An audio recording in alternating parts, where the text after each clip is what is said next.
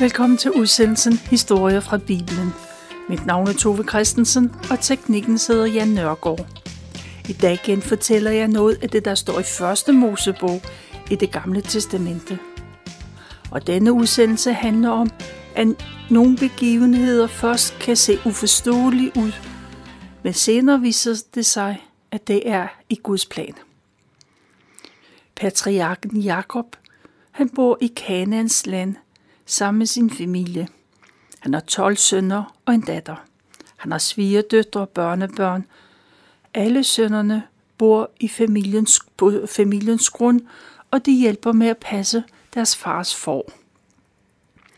Jakobs familieforhold er lidt indviklet, for han har fire hustruer på samme tid. Jakob blev først gift med søstrene Lea og Rakel. Senere blev han gift Øh, med to af deres tjenestepiger og få børn med dem. Tjenestepiger eller slavepiger. Børnene vokser op sammen som brødre og halvbrødre. På en måde er Jakobs familie en ganske almindelig familie. De lever som andre gør på den tid. Men på den anden side, så er det en usædvanlig familie. Abraham og hans søn Isak og nu barnebarnet Jakob har alle hørt Guds stemme. Gud, der har sagt til dem, at de engang skal blive et stort folk. Deres slægt skal blive så mange som stjernerne på himlen og som sandet ved stranden. Abraham, Isak og Jakob skal blive stamfædre til et helt folk. Et folk, som Gud har lovet at være med på en helt særlig måde. Op gennem bibelhistorien bliver Gud kaldt for Abraham, Isak og Jakobs Gud. Gud har udvalgt disse tre mænd til at være stamfædre. I øvrigt gav Gud Jakob et nyt navn. Han skulle hedde Israel. I Bibelen så bruger man navnet Jakob og Israel lidt på skift. Israel, israelitterne, er derfor navnet på en person og et folk længe før der var et land, der kom til at hedde Israel. Jakobs 12 sønner er alle udvalgt af Gud, og de danner Israels 12 stammer. I århundreder har israelitterne kunne føre deres slægt tilbage til en af disse sønner. Abraham, Isak og Jakob har alle tre en historie. En historie, der bliver fortalt og genfortalt. Men man hører ikke meget om Jakobs sønner, undtagen Josef. Josef indtager en helt speciel rolle, for hans liv har øh, lighedspunkter med Jesus liv. De er begge helt specielt elsket af deres far. De er begge hadet, eller de er hadet af deres brødre. Og så er der forudsagt, at de begge skal herske over andre, og derfor vil de blive forkastet af deres brødre. De øh, bliver begge udsat for lidelser og forrådt af deres nærmeste. De bliver begge dømt for noget, de ikke har gjort, men til sidst får de oprejsning for de nederlag, de nederlag, de har været udsat for. Som man kan forstå, har Josefs liv stor betydning i bibelhistorien. Før vi hører om Josef, så spiller vi sangen Jakobs sang, og den handler om de tanker, en bekymret far gør sig for et elsket barn.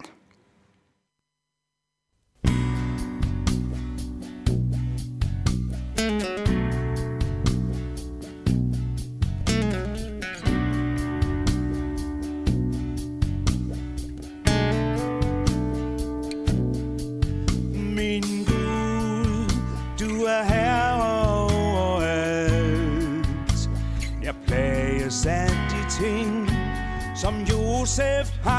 fortalt. Er det mon fra dig? Herre, vis ham din vej. Gør ham stærk, gør ham klog. Og lær du ham at tyde drømmesprog Min Gud, ham med kærlighed til brødre Lad dem nu slutte fred. Og styrk Josefs tro, lad den vokse og gro. For han får det ikke nemt. Jeg fornemmer, at snart så sker der noget slemt.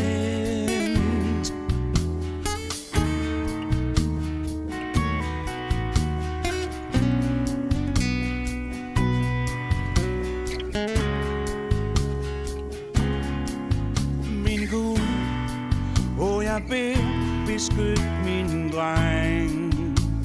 Særligt i de stunder, hvor han får det strengt. Og hvad der end sker, så vær du ham med. Lad din store kærlighed følge ham og fylde ham med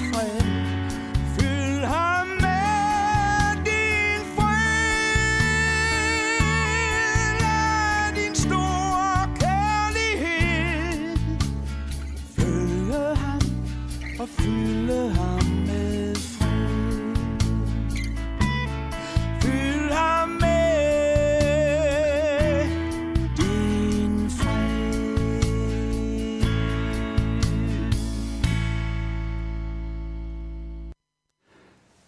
Som sagt, så bor Jakob sammen med sine 12 sønner i Kanaans land.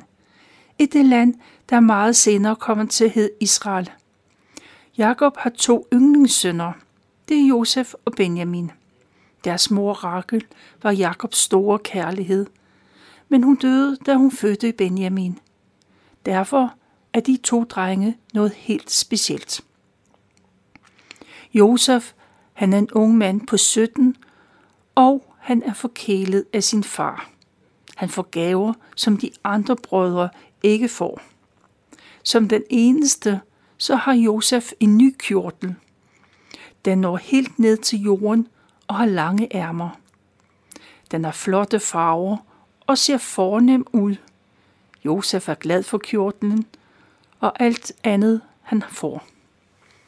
De ti ældste brødre, de lægger mærke til det fine tøj, især når de ser deres eget hverdagstøj.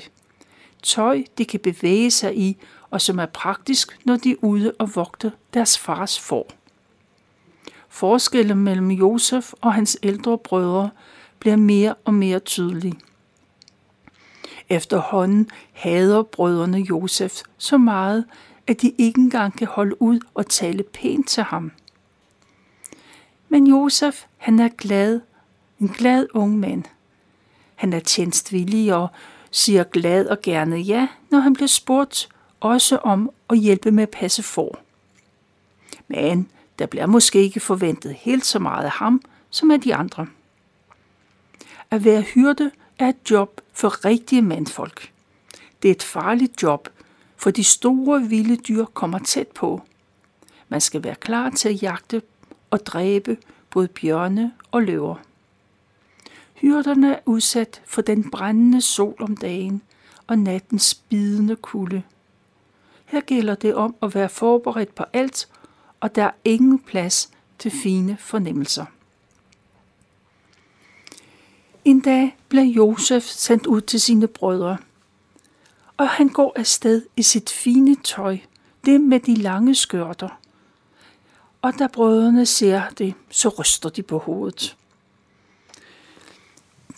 De ældre brødre, de kan heller ikke lide Josef af en anden grund. For Josef plejer at holde øje med dem. Og han opdager selvfølgelig også noget, som ikke lige kan tåle dagens lys, og som absolut ikke skal siges videre. Men Josef, han skynder sig hjem til far og fortæller, hvad han har set og hørt. Josef bagtaler sine brødre, og det er de selvfølgelig ikke tilfredse med. Men Josef, han ved, at han er elsket af sin far, og han er bevidst om sit eget værd. Det er som om, det ikke rigtigt tror på, at nogen virkelig kan have ham, for han er glad for livet og tror det gode på i mennesker. En nat har Josef en mærkelig og betydningsfuld drøm. Næste morgen må Josef fortælle nogen, den drøm til nogen, og selvfølgelig skal brødrene høre om drømmen. De er jo med i den. Josef leder efter brødrene, og da han finder dem, så kan han næsten ikke stå stille. Han er så ivrig efter at fortælle om drømmen. Josef fortæller, at i drømmen så han 12, de 12 brødre ude på marken. Eller 11 brødre var det, eller de var der alle sammen for at binde ned af det modne korn. De arbejder samme sted, men de binder på hver deres sne. Da de er færdige med ene, så knejser Josefs sne flot, mens brødrene danner en ring omkring Josefs sne og bøjer sig til jorden for det. Brødrene har ingen problemer med at tolke den drøm. De spotter Josef og siger, hvad så? Du bilder dig måske ind, at du skal være konge over os. Brødrene tror, at Josef har drømt den drøm kun for at genere dem. Og så hader de Josef endnu mere, både på grund af den drøm, men ikke mindst fordi, at de tolker drømmen som storhedsvandved.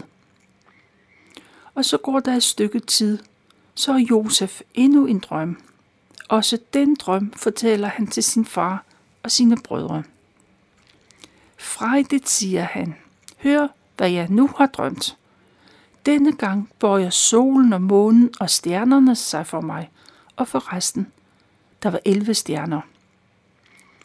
Derfor Jakob hører den drøm, øh, er han med det samme klar over, hvad drømmen betyder. Og han kan ikke lide det, han hører. For en gang skyld synes far, at hans søn er gået over stregen. Hvad er meningen, udbryder han. Vil du påstå, at vi alle, både jeg og din mor og dine brødre, skal komme og bøje sig i støvet for dig? Ingen i familien kan lide at høre det. På den anden side er der heller ingen, der er i tvivl om, hvad den betyder. Drømmen gør brødrene både rasende og misundelige. Selvom Jakob, selvom far ikke kan lide at høre om drømmen, så kan han heller ikke glemme den. Han går og tænker på sin søns drøm. Han ved ikke, hvad den skal betyde, men han er sikker på, at din drøm for Gud, og at den vil få store betydning og konsekvenser for dem alle. Hverdagen går videre. Ikke så lang tid efter, så tager Josefs brødre, brødrene endnu en gang afsted. De skal vogte familiens form. Der er slet ikke græs i området nok til, øh, øh, til alle deres får. Derfor driver brødrene fåreflokken derhen, hvor der er græs, og der er vand at finde. De kommer længere og længere væk. Til sidst er de langt nordpå, og de har været væk i mange, mange dage. Det er ikke så nemt med kommunikation. Jakob han har hørt noget en gang imellem, og han ved omtrent, hvor hans sønner og forerne er. Men han har ikke hørt nyt et stykke tid.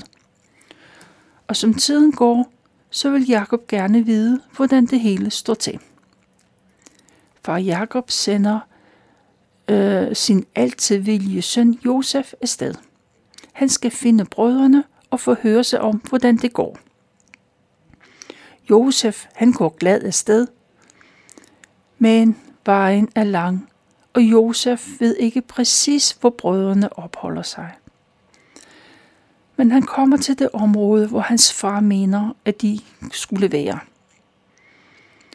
Josef går rundt og holder udkig, men de er der ikke. Men så møder han en mand, og manden kan fortælle, at Josefs brødre ganske rigtigt har været der på stedet. Men han hørte dem tale om, at de vil tage videre nordpå.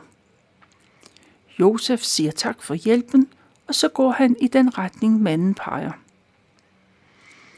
Og Josef håber, han snart finder Han har efterhånden gået sådan cirka 80 kilometer. Brødrene, de har slået sig ned ved byen Dotan. Og der sidder de ved en udtørret brønd. Det er en brønd, der opsamler regnvand, men når vandet er brugt, så er brønden tom. Brødrene sidder og holder et vågent øje med forerne. De passer på, at enkelte får ikke begynder at forlade flokken, eller om der kommer vilde dyr for at tage et af de små lam. De holder øje med landskabet, og lige pludselig så får, får de øje på en mand, der kommer gående langt ude i det fjerne. Brødrene er ikke et tvivl. Selv på lang afstand kan de se, at det er Josef. De kan kende ham på den måde, han går på, og på det farvestrålende tøj. Og brødrene bliver alt andet end glade for at se Josef og deres gamle had til ham blusse op. Lige pludselig kan de ikke holde tanken ud om at være sammen med ham. Der kommer drømmeren, ham der sætter sig selv i centrum på vores bekostning. Det siger en af brødrene. Kan vi ikke slippe for ham? Sådan er den anden, der siger. En tredje tilføjer. Hvad vil der ske, hvis vi slår ham ihjel? Tanken om mor kommer til dem, og den tanke er flere af brødrene med på. Og så begynder de at lægge planer. De kan jo smide liget ned i den tomme brønd, og så kan de sige til dem, der spørger, at et vildt dyr har slået ham ihjel. Det vil lyde meget sandsynligt. Og der er bred enighed om, at det vil være en god løsning.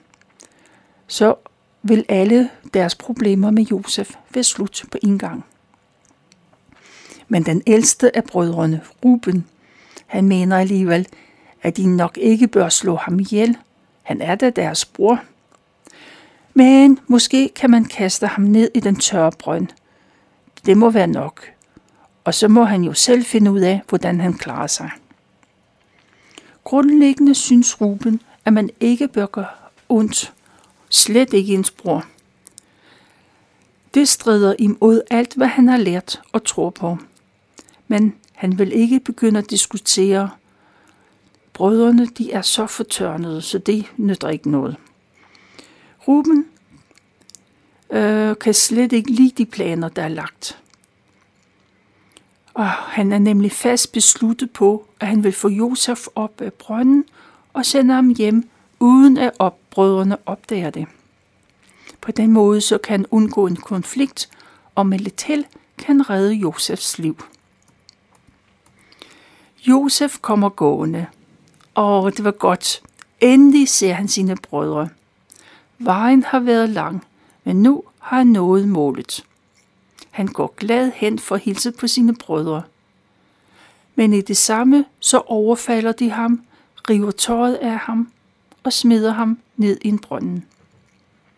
Og Josef er først forundret, men så bliver han bange. Han ser, at hans brødre forsvinder, og han kan kun se himlen over sig. Josef sidder dybt nede i den brønden og tænker tanker. Han ved ikke, hvor længe han skal være der, eller hvornår hans brødre kommer og henter ham. Måske kommer de slet ikke. Det kan være, at han skal dø af sult og tørst. Tankerne er mange, og angsten for fremtiden kryber ind om på ham. Måske er alt det, han har tænkt og kender, væk for altid. Hans far, hans frihed, hans fine tøj, hans fremtid. Det kan være, at det er væk. Hans egen familie har forrådt ham. For første gang i sit liv er Josef alene og bange. Josef er bange, men han husker på Gud Herren, og han beder Gud om at redde ham. Mens Josef er nede i brønden, så sidder brødrene i græsset og spiser mad. De glæder sig over at være kommet af med Josef, men de kan nu alligevel ikke lide tanken om at være skyld i, at Josef dør. Og mens de sidder der og spiser, så får de øje på en karavane. En lang række af kameler er på vej hen mod dem. Det er handelsfolk, der fragter gummi og krydderier og urter til Ægypten. Se, siger Juda, det er en af brødrene. Vi kan måske sælge ham. Måske kan vi sælge Josef som slave, og så kan de øh, sælge ham videre i Ægypten. På den måde så kommer de af med brugeren samtidig med, at de selv får en økonomisk gevinst. Og da karavanen stopper, er de klar til at handle. Josef han får et reb smidt ned til sig og bliver hejst op. Og så står Josef og ser brødrene handle med købmændene.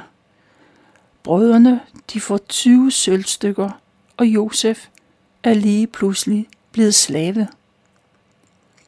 Josef, han har altid været en sovløs dreng. Nu er han bundet og bliver ført væk. Væk fra de kendte omgivelser, væk fra sin familie og ikke mindst væk fra sin elskede far. Han er klar over, at hans liv for altid er forandret. For fremtiden må han gå derhen, hvor andre bestemmer. Josef, han kender godt en slaveslod. Hans far ejer mange slaver, og Josef har en anelse om, hvad han har at vente. Han kan kun følge med og håbe på det bedste. Brødrene, de er glade for den gode handel, og så følger de efter forerne, der bevæger sig videre. Ruben, den ældste bror, har været ude i et ærne. Han har ikke set kamelkaravanen, hverken da den kom, eller da den fortsatte hen ad den gamle karavanrute. Da brødrene er gået, så regner Ruben med, at han kan få Josef op af brønden og i sikkerhed. Han skal nok finde en løsning, så alle bliver tilfredse. Men da Ruben kommer hen til brønden, så ser han, at Josef er væk. Nu er det slut med at være diplomatisk. Ruben er bange, og han løber hen til de andre og råber fortvivlet, da Josef er væk. Hvad i alverden skal han nu gøre? Og brødrene må bekende, at de har solgt Josef. Den handling kan de ikke lave om på. Sket er sket. Det må selv Ruben indrømme. De må finde på en historie, der kan skjule det, de har gjort. Og så slagter de en af giderne, og så tager de Josef tøj og river det stykker. Den engang så smukke kjortel er nu ødelagt og bliver dyppet i gedens blod. Og så går brødrene hjemad. De driver forerne sydpå, og til sidst kommer de til Hebron, der hvor deres hjem er. Brødrene hilser på deres far, og så må de fortælle, at de fandt den her kjortel ude på marken. Er det ikke Josefs?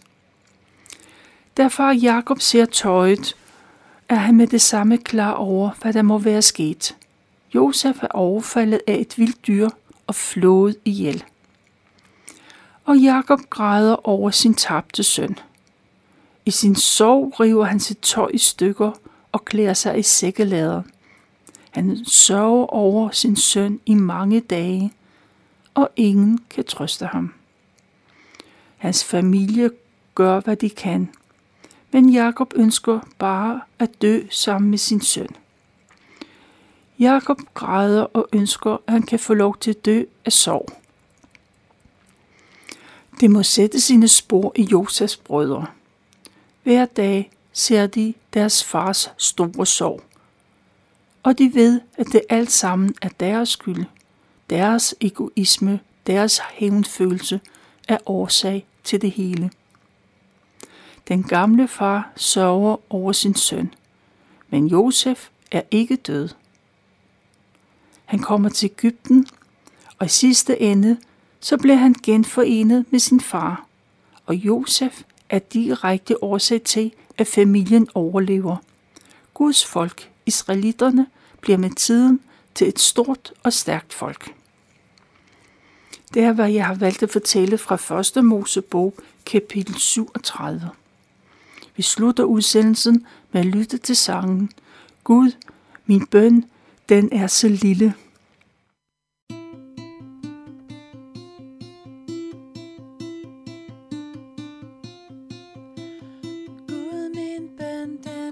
Er